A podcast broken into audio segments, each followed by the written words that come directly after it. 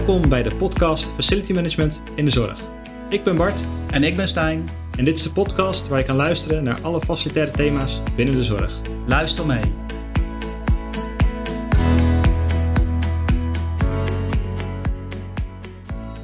Daar zijn we weer. Leuk dat eh, iedereen weer luistert. De zesde podcast in de reeks Facility Management in de Zorg. En vandaag hebben we uiteraard weer een hele leuke, inspirerende gast in de studio. Michel van Tilborg. Michel, welkom. Kun jij iets over jouzelf vertellen? Wie ben je? Wat doe je?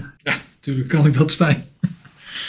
nou, wie, wie ben ik? Eh, Michel van Tilborg, ehm, ja, 58 jaar oud en eh 14 jaar werkzaam in, de, in en voor de zorg. De laatste zeven jaar voor AAG, waarin ik me gespecialiseerd heb op het gebied van inkoop. En dat betekent dat, je, dat ik me bezighoud met ehm, strategische vraagstukken, beleidsvorming, maar ook met operationele vraagstukken. Selectietrajecten horen daar bijvoorbeeld ook bij. Dus het hele inkoopproces binnen de zorgorganisatie, daar eh, houdt AAG en dus ik ook eh, mij mee bezig. Nou, dat is mooi, want dat is precies waar we jou voor hebben uitgenodigd om daar ons eh, inhoudelijk meer over te vertellen.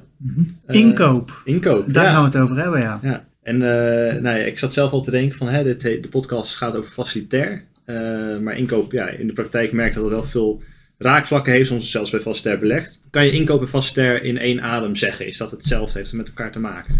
Volgens jou? Nou, het heeft zeker met elkaar te maken, maar het is ook zeker niet hetzelfde. Laat ik eh, beginnen met de overeenkomsten. Iedereen koopt binnen facilitair, heeft te maken met leveranciers. Of het nou om de voeding gaat, of het gaat om schoonmaken, of het gaat om was en linnen. Je hebt te maken met leveranciers die in dezelfde volgorde de maaltijden, de verse producten, de andere levensmiddelen komen, komen leveren. Of schoonmaakartikelen, zowel de gebruiks- als de verbruiksproducten. En eh, wellicht is het wel uitbesteed aan, eh, aan een schoonmaakbedrijf. Nou, dat moet ook worden ingekocht, dan is dat je leverancier. En heb je ook afspraken gemaakt over bijvoorbeeld hoe je dan je sanitaire producten geregeld hebt. Wie koopt wat en wie vult de toiletrollen, wie vult de, de handdoekrol. En op, op was en linnen, 9 van de 10 keer is de was wel uitbesteed binnen, binnen in ieder geval de ouderenzorg. De gehandicaptenzorg kom je nog wel vaak tegen dat er een eigen wasserij is. Dat daar omwille van inzet van eigen cliënten zelf gewassen wordt. Maar dan heb je ook daar te maken met een leverancier voor de wasmachine, maar ook voor de wasmiddelen Ja. en voor het onderhoud. En dat kunnen drie verschillende partijen zijn, maar het kan ook één partij zijn die dat bijlevert. Dus op dat vlak eh, zijn facilitair en inkoop zeker met elkaar verweven. Ik knip ze wel graag altijd los, omdat facilitair manager, Facilitair coördinator, die heeft veel verstand van het inhoudelijke proces. Eh, en de inkoper, die heeft juist verstand van inkoopprocedures, de inkoopkant en Ja. het beheren van het contract. En samen volg je, eh, vorm je een twee-eenheid waarbij je het contract goed kan managen. Eh, dat betekent dat de inkoop KPI's en andere sturingsmechanismen kan aangeven. En dat de facilitair coördinator, facilitair manager, zeg maar, daarmee kan sturen richting leverancier. Ja. En dan kom je samen, eh, kom, je, kom, je- kom je tot een eh, goed partnerschap met, met de leveranciers. En bij facilitair en inkoop is het vaak dat het, dat het gaat om vooral voor de cliënten zichtbare elementen. Mhm. Ik noem de drie al op, hè, schoonmaak, voeding en, en was en linnen. Die raken direct de cliënten ook. Dus daarin kun je elkaar heel goed eh, versterken en aanvoelen. Ik loop daarom ook graag mee op afdelingen. Ik verdiep me graag in de organisatie. Hoe lopen de lijnen? Wie zijn erbij betrokken? Hoe wordt het ervaren? Eh, en die, Zou, zouden inkopers dat altijd moeten doen binnen een organisatie? Want jij komt als extern, dus ik kan me voorstellen dat jij dat, dat ook wil doen om de organisatie te leren kennen. Eh, zouden inkopers die intern bij een organisatie dat ook moeten doen? ja, vind ik wel, maar er is aan iedere inkoper.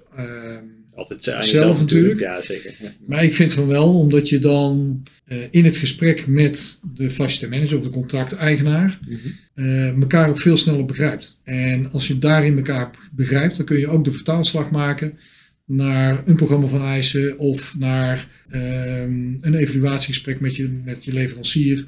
eh, om daar meteen de juiste eh, de dingen op ja, te benoemen en Mhm. ook de vinger op de zere plek te leggen. En dat, dat kun je goed doordat je het begrijpt. En als je het niet begrijpt, blijf je altijd een beetje op afstand.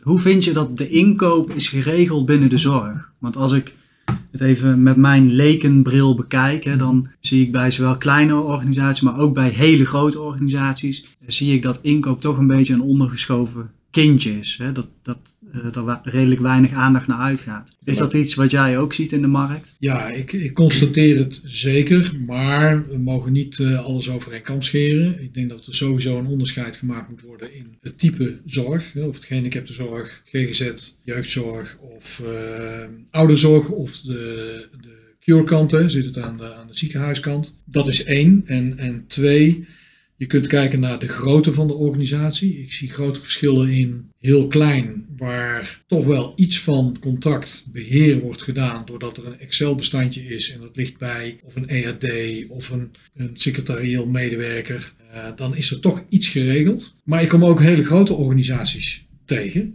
waar eigenlijk helemaal geen inkoopbeleid mm -hmm. is en waar inkoop niet centraal geregeld is. Ja, dat kan. Als dat een, uh, het beleid is en de visie is van de organisatie, dan is dat heel goed mogelijk. Maar heb je het idee dat dat vaak een bewuste keuze is? Of is er gewoon geen tijd voor niet aan gedacht? Of andere prioriteiten? Nou, dat kan ik niet. Ja, dat weet ik niet. Er is geen onderzoek naar gedaan, dus daar kan ik ook geen uitspraak ja, maar, over maar jouw gevoel? Het is geen wetenschappelijke podcast dit. Dit zijn ook ervaringen. Wat ja, nou ja. Het is, het is soms zo gegroeid en zo gebleven. Ja.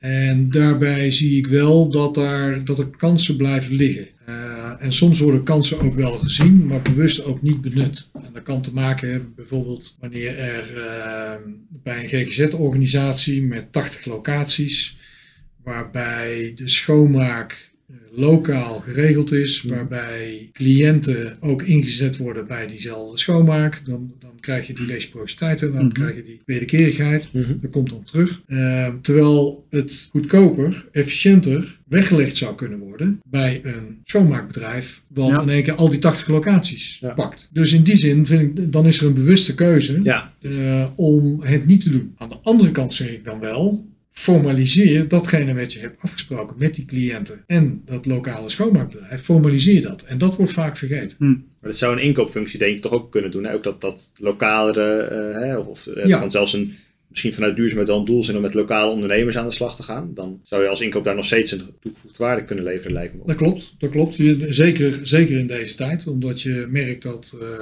de omslag naar verduurzaming voor heel veel zorgorganisaties één, nog niet uh, in beeld is. Hè. Die, die bewuste omgang om duurzamer te worden, die is er heel weinig. Mm-hmm. heel weinig.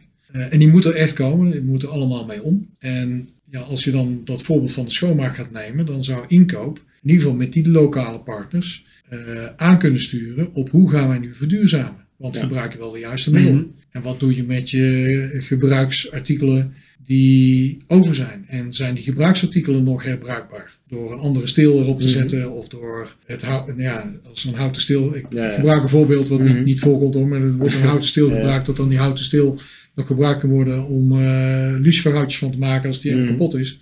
Of verpulverd wordt om uh, in, in de biomassa verbrander uh, gebruikt te worden. Ja, zover is men nog lang niet, nee, maar daar ja. zou je wel toe aan kunnen zetten om uh, jouw leveranciers mee te helpen te verduurzamen. Ja, dus je kan dan eigenlijk vanuit inkoopje ook de kleine lokale leveranciers helpen professionaliseren. Ja, ja, waardoor je dus uiteindelijk zelf duurzamer wordt. En wat ook uiteindelijk, zeker bij een GGZ-organisatie, van de gemeente gevraagd wordt aan jou. Want die stellen, uh, je moet zoveel procent duurzaam inkopen. Of je moet komend jaar moet jij voor 30% meer verduurzaamd zijn. Ja, dan mm. moet je wel kunnen laten zien welke stappen je neemt. En ja. uh, een gemeente die is verplicht vanuit de Rijksoverheid om die eisen aan hun klanten weer te stellen. Ja. Dus daar hebben ze nog een flinke opgave. Is dat dan ook de, de grootste toegevoegde waarde van uh, inkoop, ja, professioneel te organiseren? Of het de grootste toegevoegde waarde is. Ja. Of nee, laat ik anders stellen, wat, zijn de, de, de, wat is de toegevoegde waarde van inkoop professioneel te organiseren? Ja, ik kan me voorstellen dat dat geld wel een, een motivator is natuurlijk om ja. te doen. Want hè, nog steeds is dat belangrijk om onderaan de streep goed uit te komen elk jaar. Mm-hmm. Uh, we kunnen natuurlijk alles uh, volledig focussen op duurzaamheid en super lokaal. Maar uiteindelijk als het niet uit kan, dan kan het niet uit. Ja, nou als, als je gaat altijd voor de goedkoopste partij, mm-hmm. ja, dan ben je bij mij aan het verkeerde adres. En ik denk ook dat die tijd voorbij is, omdat we in het tijdperk van verduurzaming komen. Mm-hmm. En verduurzamen betekent nu nog steeds dat er meer geld uitgegeven moet worden aan de inkoop producten. Helaas. Overigens kan het zeker omdat inkoop niet zo heel goed geregeld is binnen, binnen de zorg. Mm-hmm. Kun je wel een slag maken door wanneer het wel goed georganiseerd gaat worden. En je laat het gelijk lopen met die verduurzaming. Dat dat bijna tegen nul zeg maar, ja. uitgevoerd kan worden. Mhm. Ja. Want je verliest het op het een, maar je wint het terug op het ander. Ik, ik zie voorbeelden bij offerte-uitvragen die we doen in de markt Mhm. te vergelijken. Dan, ja, dan is er veel te winnen. En dat gaat echt om percentages tussen de 5 en de 15 procent om een bepaalde productgroep. En dan hebben we het over euro's. Dan heb je het over euro's. Ja, Dat is best wel veel. dat is best veel. Dat laten nu sommige organisaties gewoon liggen. Ja, Door onwetendheid om het daar... Nou, door, door onwetendheid één. Door twee, door het zelf te kunnen en te willen doen. En men kan het ook wel. Alleen het voordeel is wanneer een partij als AAG het doet, Mhm. doet het bij meer organisaties. En hebben wij diezelfde leveranciers van die bedden aan tafel. En dezelfde leveranciers van die voeding. En dezelfde Mhm. leveranciers van hulpmiddelen. Dus als ze mij weer zien, dan kunnen ze niet verkopen bij de een. Wij hebben geen voorrijkosten. En bij jou gaan we wel voorrijkosten rekenen. Ja. En als wij, dat was even de, de, de eerste reden die ik gaf, was: eh, eh, ik ga nooit voor de, voor de laagste prijs. Mhm. Ik ga altijd voor de, de best passende leverancier. Dus hij moet kwalitatief goed passen. Mhm. En kwalitatief betekent niet alleen de kwaliteit van het product, maar ook binnen logistiek. En Ja. ook binnen de hele procesvoering van hoe wordt die factuur verwerkt, hoe Mhm. wordt er besteld. Ehm, dat moet kloppen. En daar hoort een prijs bij. Ja. En dan heb je misschien niet de goedkoopste, maar omdat je veel vaker bij dezelfde leveranciers allemaal inkoopt, dan weet men ook wel, oké, het contract gaat drie tot vijf jaar duren. Ehm AAG hebben we weer aan tafel zitten. Laat ik maar met een goed bod komen. Ja. Want anders weet ik gewoon dat ik er niet bij zit. Nee, precies. Ja. Dus die winst die heb je al. En doet een klant het zelf, doet een zorgorganisatie het zelf. Prima en goede methodiek, eh, niks op aan te merken. Mhm. Alleen een leverancier ehm, kun je dan niet met anderen goed vergelijken. En ze weten ook dat jij het zelf doet en niet ehm, Ja. de backup krijgt van, van een organisatie. Ja, want je kan dan niet de leverancier met een ander aanbod vergelijken, maar je kan natuurlijk wel meerdere leveranciers vergelijken zelf, toch? Ja, dat klopt. Je kunt ze wel met andere leveranciers vergelijken, maar niet met het effect wat Nee, precies. een extern Nee, nee, bureau ja, heeft ja. op, Dat is natuurlijk de extra toegevoegde waarde. omdat, eh, ja. prijsvorming. En als iemand, hè, iemand die luistert nu en die denkt van, nou ja, het, eh, wat Michel zegt, dat klinkt heel mooi. Het klinkt ook heel veel. eh, en ik wil toch eens zelf proberen. Waar zou ze dan mee moeten starten? Eh, inkoop zelf proberen. Nou, de- ja, wat, wat ik zelf altijd doe, en dat is waar ik er straks ook mee begon, is betrek altijd die inhoudsdeskundige erbij. Ja. Ehm, toevallig had ik vandaag een ziekenhuis aan de telefoon en die willen met eh, verduurzaming aan de slag. Mhm. En die hielden zich nu heel erg vast aan eh, de piano-site en richtlijnen. En ook aan de European eh, e-procurement eh, regelingen. En zij zochten eigenlijk naar aantal elementen van, ja, hoe, hoe moeten we nou beginnen? En waar moeten we nou op letten? Ja, dat is eigenlijk heel raar, maar ik gaf eigenlijk aan van, nou, laat juist die dingen waar je je nu aan koppelt, laat die in Mhm. ieder geval even los. Want daarmee sluit je al een aantal leveranciers uit in de markt, die wellicht heel goed bij jou zouden passen om te verduurzamen in de stap van 0 naar 1, maar niet in de stap van 5 naar 6. Mhm. En omdat je wil beginnen, pak ze dan in ieder geval om van 0 naar 1 te gaan. Want je moet toch klein beginnen. Ja, precies. Je moet Ja. ergens een start hebben en dat kun je dan intern laten zien. En vervolgens gaat dat groeien. Ehm, aan de andere kant sloten ze daarmee ook uit dat ze de gelegenheid om gebruik te maken van die markt, zeg maar om te oriënteren van wat is er te vinden, wat is er te krijgen in de markt, dat doe je met een marktconsultatie. Dan ga je met, met één, twee partijen ga je in gesprek over dat onderwerp bijvoorbeeld verduurzamen. Die marktconsultatie is heel belangrijk om af te stemmen. Gaan we de markt niet overvragen? Mhm. Ehm, wat daar wel, je moet altijd dan opletten dat je niet aan, eh aan eh, backdoor selling gaat doen. Dat betekent dat je zeg maar, het programma van eisen laat afhangen van wat de, degene met wie je het markt- marktconsultatie Ja, doet. Ja.